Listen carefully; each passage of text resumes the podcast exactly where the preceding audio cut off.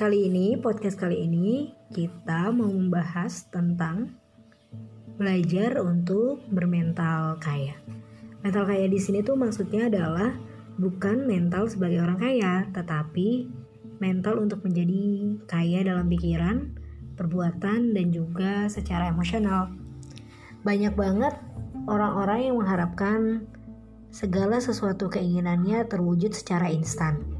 Entah dengan cara hutang ataupun dengan cara merengek ke orang lain untuk bisa diberikan. Emang sih semua yang instan itu enak kayak Indomie atau mie instan lainnya. Tapi cepet juga nimbulin lapar dan akhirnya apa yang dimakan nguap gitu aja. Sama kayak keinginan kita. Kalau keinginan gampang sekali diwujudin, berasa nggak ada gregetnya, dan juga lebih cepat untuk punya keinginan lainnya.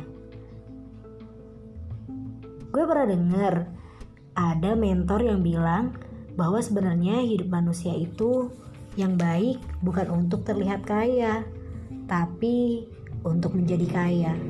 Artinya, sederhana aja, tapi tahu mana yang menjadi kebutuhan dan prioritasnya, dan apa juga yang diperjuangkan. Menurut kamu gimana?